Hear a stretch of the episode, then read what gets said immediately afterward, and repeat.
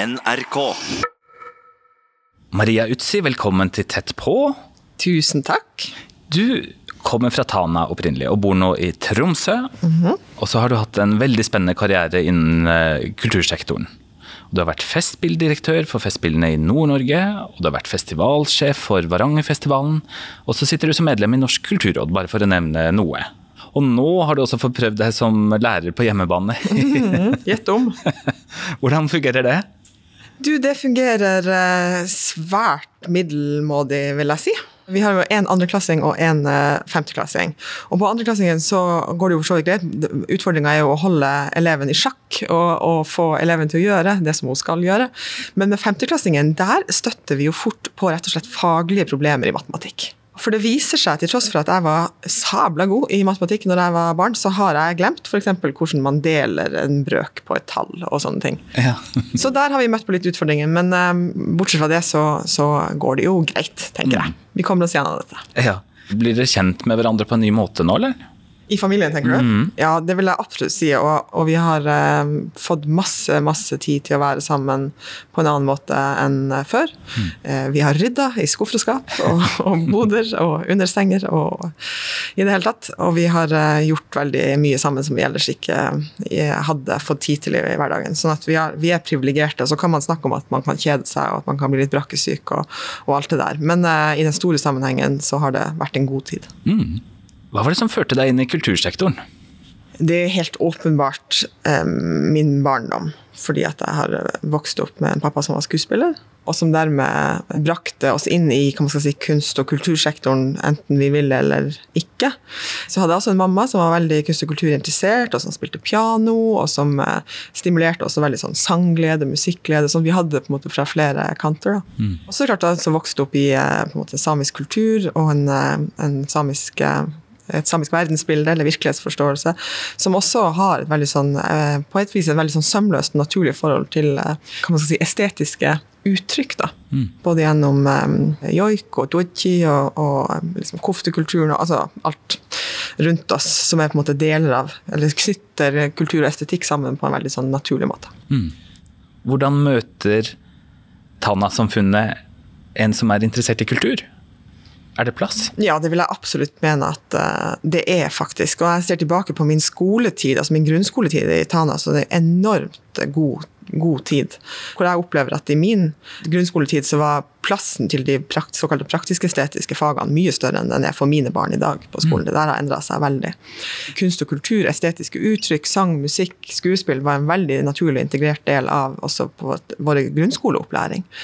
Eh, og nå var nok Austertana skole som jeg gikk på, særlig god på det her, men vi gjorde mye av det, og det var, det var en naturlig integrert eh, del, og ikke noe som på en måte ble sett på verken som unødvendig eller som på en måte overskuddsaktig eller, eller noen ting. Så jeg tenker at Tana har fostra mange gode kunst- og kulturprofiler opp igjen, og tenker at det peker veldig tydelig på at det er en kommune som, som rommer det, og som understøtter det veldig fint, som jeg vil si at hele Finnmark eh, gjør med sine kulturprofiler Ja. det er jo ingen tvil om, mener jeg, og det syns jeg jeg kan si med, med en viss tyngde etter å ha jobba i Festspillene i mange år, at de aller på en måte, mest spennende si, utviklingstendensene og, og uttrykkene innenfor på en måte, nordnorsk kunst, det finner du i, i, i Sápmi, blant de samiske kunstnerne. Sånn at Nå står man jo veldig sterkt. Man kan si at nå er det et stort handlingsrom for å uttrykke egne historier, perspektiver, ta en posisjon, en slags selvhevdelse i kunstfeltet og gjennom det også i samfunnet. Men det er allikevel veldig interessant å gå inn i det og se på hvem er det som på et vis setter premissene for for det handlingsrommet. Er man på en måte helt fri fremdeles? Fortsatt er man avhengig av måte, nasjonale støtteordninger, nasjonal anerkjennelse for å få en rolle i et nasjonalt narrativ eller i en nasjonal scene? Har vi egentlig kommet så langt som vi tror liksom det kan synes som? da? Det tenker jeg er liksom diskusjoner som vi burde ha, Jeg har fortsatt å, å hakke litt på. Ja, nettopp. Hva gjør eh, direktøren på Nasjonalmuseet eller på de store nasjonale institusjonene? Hvordan klarer man på en måte å romme det samiske i en nasjonal kontekst? Og der tror jeg at vi har en, en vei å gå. for jeg tror, jeg tror fremdeles f.eks. at det samiske blir avlest i en veldig sånn nå veldig sånn trendy og populær setting som er på en måte i det aksjonistiske. At man syns også fra norsk side at aksjonistiske uttrykk er liksom spennende. Og, men jeg liksom hele tiden så klarer jeg ikke å fri meg fra å la være å tenke det fortsatt så er det blir det definert utenifra. Altså på en måte Handlingsrommet blir definert utenifra. Eh, og det kan bare vare så og så lenge, og så er det på en måte over, og så blir den døra lukka igjen, og så sier man at nei, men det samiske, det uttrykket som du presenterer der, det er irrelevant, eller det er kvalitativt dårligere, eller det er ikke så interessant for oss. Vi vil gjerne at du skal gjøre det som du gjorde i sted, istedenfor. Så, så jeg tenker at liksom, den kampen om definisjonsmakta, kampen for å kreve sin plass i et nasjonalt narrativ og få snakke med sin egen stemme, med utgangspunkt i sitt eget perspektiv, med utgangspunkt i sin egen relevans, den runden der er vi ikke ferdig med enda på lenge, tenker jeg. Nei. Men samtidig så skal vi ikke liksom underby de fantastiske som har skjedd. Altså. Men jeg tenker at det er bare viktig at vi ikke eh, legger oss bakpå og tenker at nå er kampen over, for det, for det er den jaggu ikke. Nei. Må du ta noen hensyn før du vurderer å uttale deg i offentligheten om samiske spørsmål? Ja, det tenker jeg at jeg må gjøre, faktisk. Fordi og det her, det her er liksom kjenner jeg kompliserte refleksjoner også for min egen del, så jeg har liksom ikke tenkt denne tanken helt ut før Nei. du spør på den måten. Eh, men eh, jeg føler jo et ansvar når jeg uttaler meg i samiske saker som same, fordi at da opplever jeg at jeg må representere veldig mange flere enn meg sjøl, mm. og at et helt folk vil holdes ansvarlig for, for, det, på et vis. Og det er jo en uh, mekanisme som jeg tenker at uh, man som representant for minoriteter alltid vil uh, utsettes for, mm. dessverre. Og så kjenner jeg faktisk også på at jeg er Altså, jeg er ikke noe glad i kritikk. Og jeg er ikke noe glad i, altså jeg er ikke noe tøff i det der å stå, eh, liksom stå sånn på barrikadene eh, si, alene eller ikke, men jeg liker det ikke noe. Jeg var kjemperedd. Eh, kjemperedd for kritikk fra mine egne, på en måte. Mm. Altså for å liksom dumme meg ut overfor resten av det samiske samfunnet. Det kjenner jeg at jeg, at jeg får helt sånn angst av å tenke på. Da blir det ofte lettere å holde stilt, da. Jeg vil vakte meg veldig vel for å utsette det samiske samfunnet for kritikk, da. Jeg ville aldri ha gått inn i altså Det kjenner jeg på, det vil jeg faktisk virkelig ikke. Jeg ville ikke ha gått inn i en, måte, en slags kritikk av systematiske aspekter som er, er kritikkverdige i det samiske samfunnet, eller kulturelle aspekter, eller hva som helst. For jeg vil ikke utsette eh, eller legge til rette for hets mm. og utidig, usaklig kritikk fra det norske medier, eller norske stemmer eller norske nettroll. Og det er det man risikerer. Men jeg vil gjerne diskutere, også inderlig gjerne på en måte diskutere og, og gå inn i og være en del av en måte, samisk samfunnsdebatt og, og refleksjoner omkring utvikling av det samiske samfunnet, men jeg vil gjøre det på det samiske samfunnets premisser. Eh, og jeg vil gjøre det i, i rom som oppleves eh, trygge og åpne, og hvor eh, sjansen for å bli utsatt for feiltolkning og, og hets og hva skal jeg si, uthenging fra norske nettroll ikke er til stede. Ja. Når vi sitter og snakker sammen nå, og du vet at dette skal sendes på, på radio og publiseres som podkast, tar du noen sånne hensyn nå, eller? Jeg kjenner at jeg mm, snakker litt saktere enn vanlig, for at jeg tenker meg om i forhold til hva jeg skal si, sånn at dette blir riktig. Mm. Eh, og så kjenner jeg at mens jeg snakker, så klarer jeg også å produsere en tanke om at hvis jeg sier det, hva er konsekvensen da? Jeg har noen sånne tankerekker som, som spinner av gårde, da. Mm.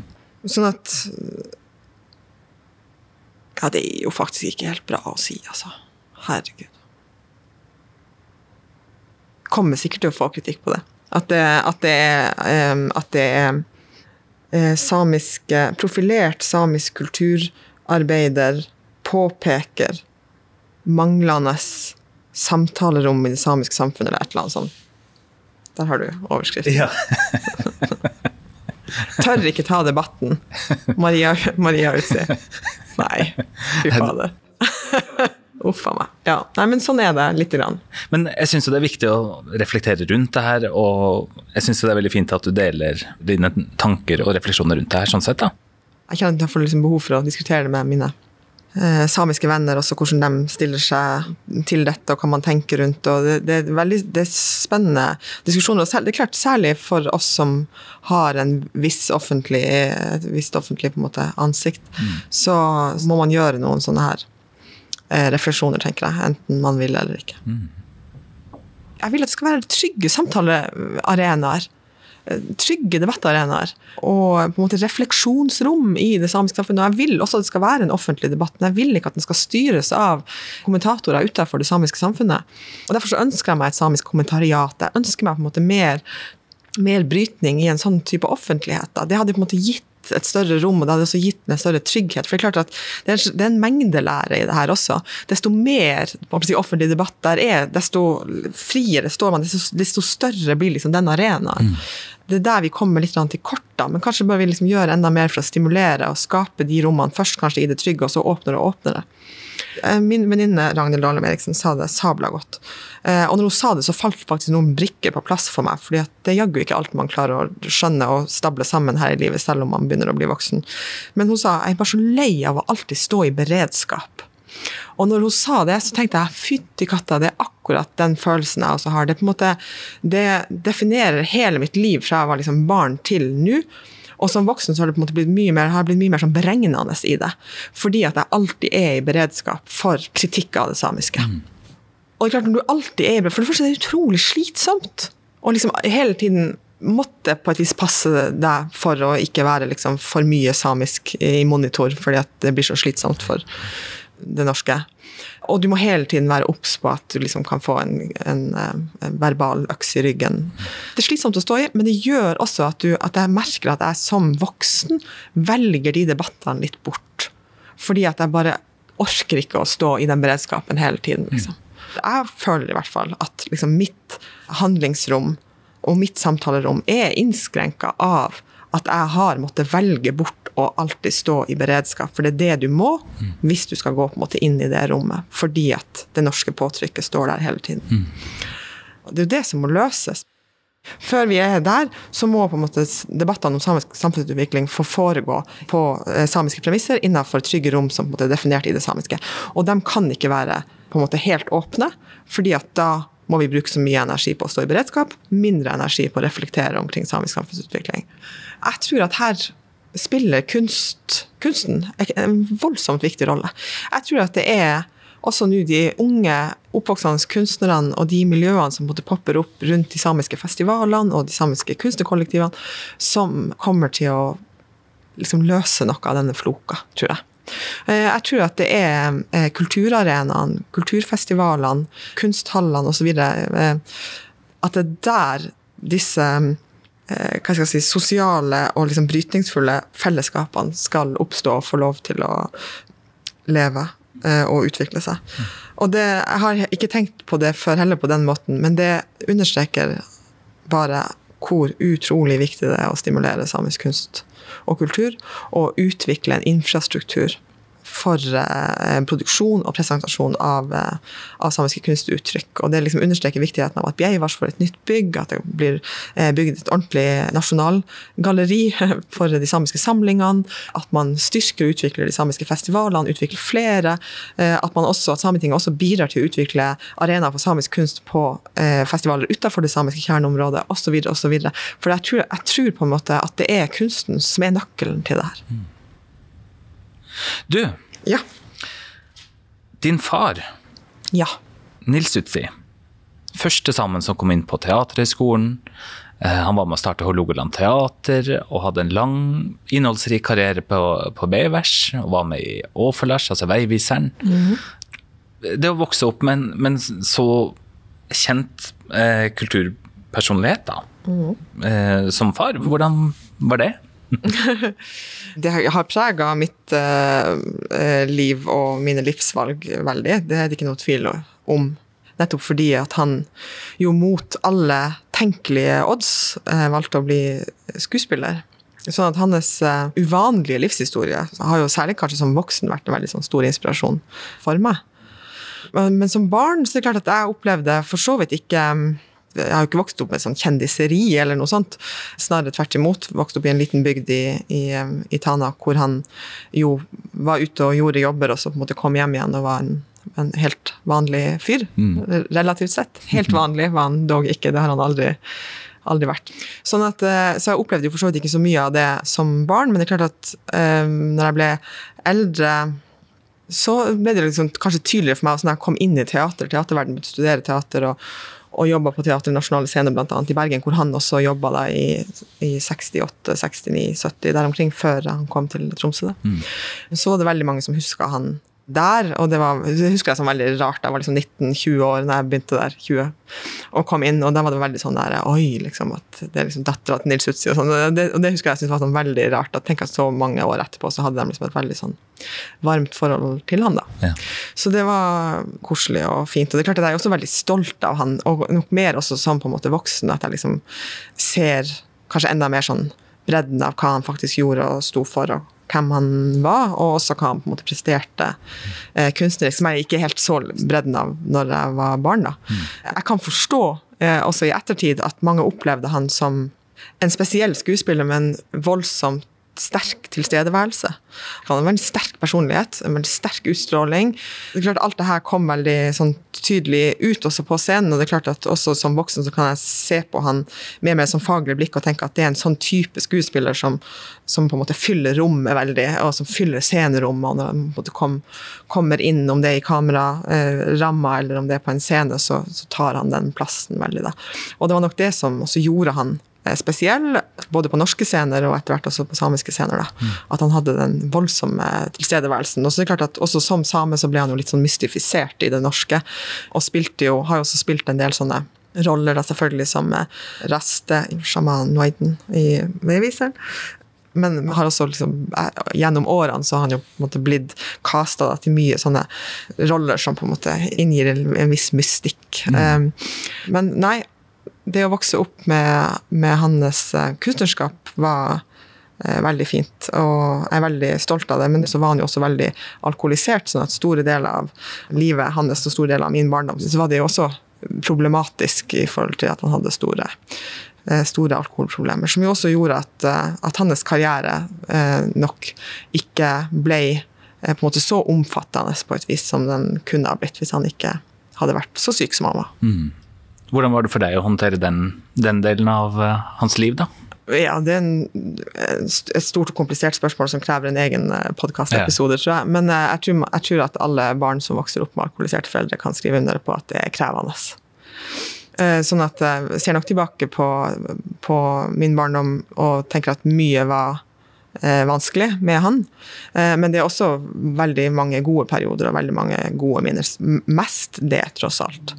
Og så hadde jeg jo også en mor eh, som var aldeles strålende, og som var på en måte klippen i vår familie, og som jo på en måte har holdt dette sammen, som gjør at jeg, at jeg dog tross alt har hatt på en måte en, på alle vis en god barndom. Men det, å leve med en alkoholisert forelder er veldig krevende. Veldig vanskelig. Mm ja, og det, det, er klart at det har prega både meg og min bror i hele vårt, uh, vårt liv. Da.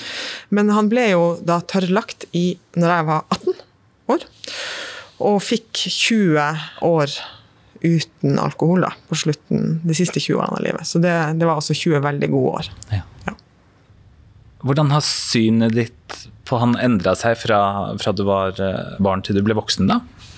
Ja, det, det, er jo interessant. og jeg må si at jeg i det siste har hatt, altså fordi jeg jo nå har mine egne barn, og har liksom reflektert mye etter at pappa eh, døde da, i fjor, over hvordan jeg på en måte nok ser han i et litt annet lys. Selvfølgelig Både etter at han døde, så begynner du å gjøre en del andre refleksjoner. Det er ting du gjerne skulle ha spurt om, som du ikke har spurt om. og Masse sånne ting som jeg liksom tenker at eh, pokker, det må jeg si til folk som fortsatt har sine foreldre i live. At man må skynde seg å spørre om ting, og, og prøve å ta litt sånn her to steg unna dem for å prøve å liksom se mer av bredden av det mennesket som, som, er din forelder, og så stille de riktige spørsmålene mens de fortsatt er der. Da. Hva skal vi spørre om, da? Eh, jeg skulle gjerne ha snakka mer med han som voksen om f.eks. hvordan det var å stå i det skjæringspunktet mellom å ha en, en tydelig nasjonal posisjon og særlig sånn på 70-tallet, tidlig i hans karriere, så var han jo kanskje egentlig mer sånn kjendis i et nasjonalt perspektiv enn han var som eldre. da, For han gjorde Ante, og han var liksom i sånne norske, sånne norske talkshows og spørreprogrammer og hva det ikke var, på NRK. og Jobba jo på liksom, nasjonale scener og var i, eh, gjorde med NRK-produksjoner og ditten og datten. Så jeg har mange ganger lurt på ettertid hvordan det var å på en måte, når du kommer fra reindriftsfamilie med åtte søsken i Austertana og på en måte havner på Klubbsju som liksom the cool kid på Klubbsju i Oslo, ikke så veldig mange år seinere, liksom. Eh, og hvordan det liksom prega hans eh, liv, og hvilke refleksjoner han gjorde seg omkring det å stå veldig sånn i to kulturer og skulle liksom opprettholde den her rollen som den store skuespilleren med den store personligheten, den store tilstedeværelsen og hele den liksom auraen av mystikk og alt det her, og samtidig på en måte være bare Nils Utsi fra Austertana på den andre sida, og det samiske mot det norske, og all, alle de her tingene har jeg lurt veldig masse på.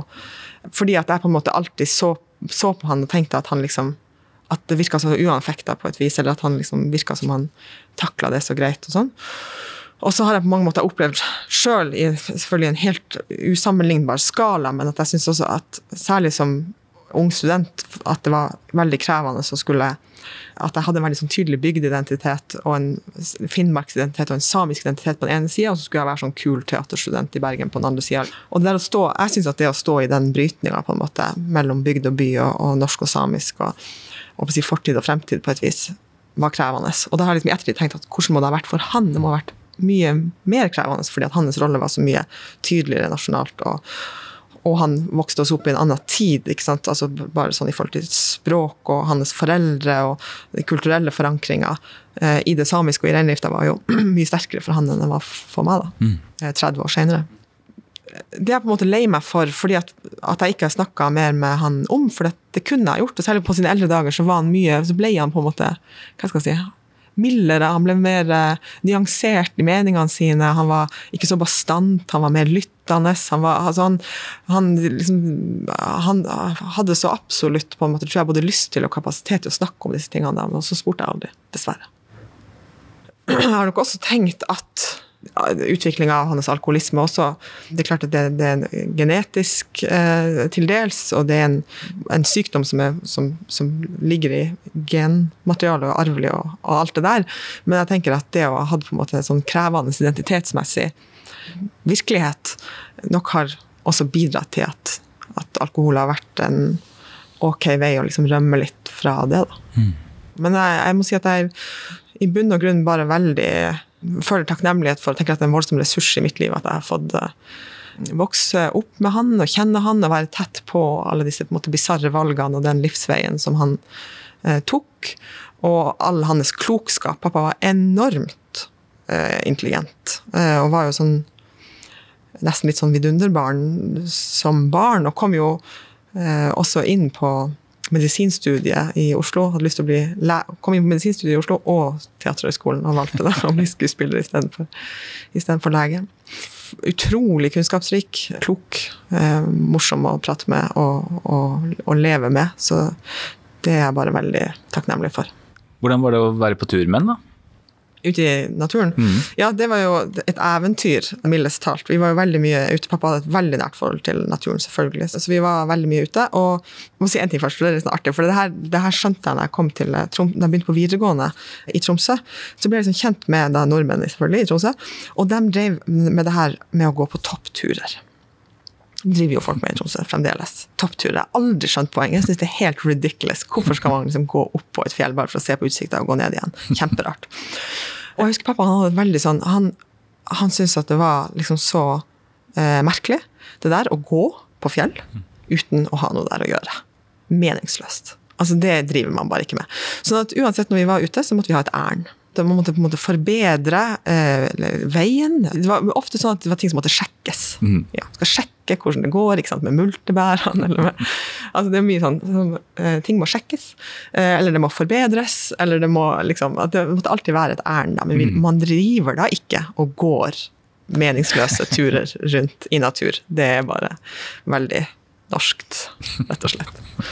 Så vi var mye ute, men, eh, men vi hadde altså alltid et ærend. Og så og så kunne han jo heller ikke overhodet liksom forholde seg til på en måte andre menneskers stier eller eh, liksom spor. Så vi kunne aldri, det har aldri skjedd i historien, at vi har laga bål på en eksisterende bålplass. Så det kunne, det, det kunne, bare heller aldri skje. Han måtte alltid lage sitt eget eh, bål. Og det å liksom legge steiner rundt bålet og sånne ting, det, det, var også noe som Daja drev med. Det gjorde han aldri. Mm. Tull. Og Vi måtte finne vår egen plass, og det måtte være perfekt, og det måtte være guanco-emner, så vi fikk kokt kaffe, og så skulle det være tørrvia, fyrte aldri bål på bjørk, og altså masse sånne liksom, regler som vi måtte forholde oss til. Det var, det var herlig fantastisk. Og som barn så syns jeg jo det her var utrolig slitsomt. Altså, hvis man innimellom skulle på uh, turer liksom, med skolen og ha foreldrene med, og sånn, så var det bare sånn å nei. Så sitter alle liksom, rundt ett bål, og så måtte vi ha et eget, da, for pappa nekta å liksom, inngå i noe sånn fellesbål. Og i ettertid så har jeg jo tenkt at Eh, at dette er jo bare en veldig sånn nydelig refleksjon av hvordan han på en måte var i livet generelt. altså Det å alltid liksom søke sin egen vei og stå så himla støtt, i hvert fall sett utenifra, mm. i på en måte valg som bare var sånn Istedenfor å bli reineier, så blir han skuespiller. Istedenfor å gå den stien, så lager han sin egen, alltid sin egen sti. Og det tenker jeg er noe som preger hele hans liv og verdensbilde. Mm.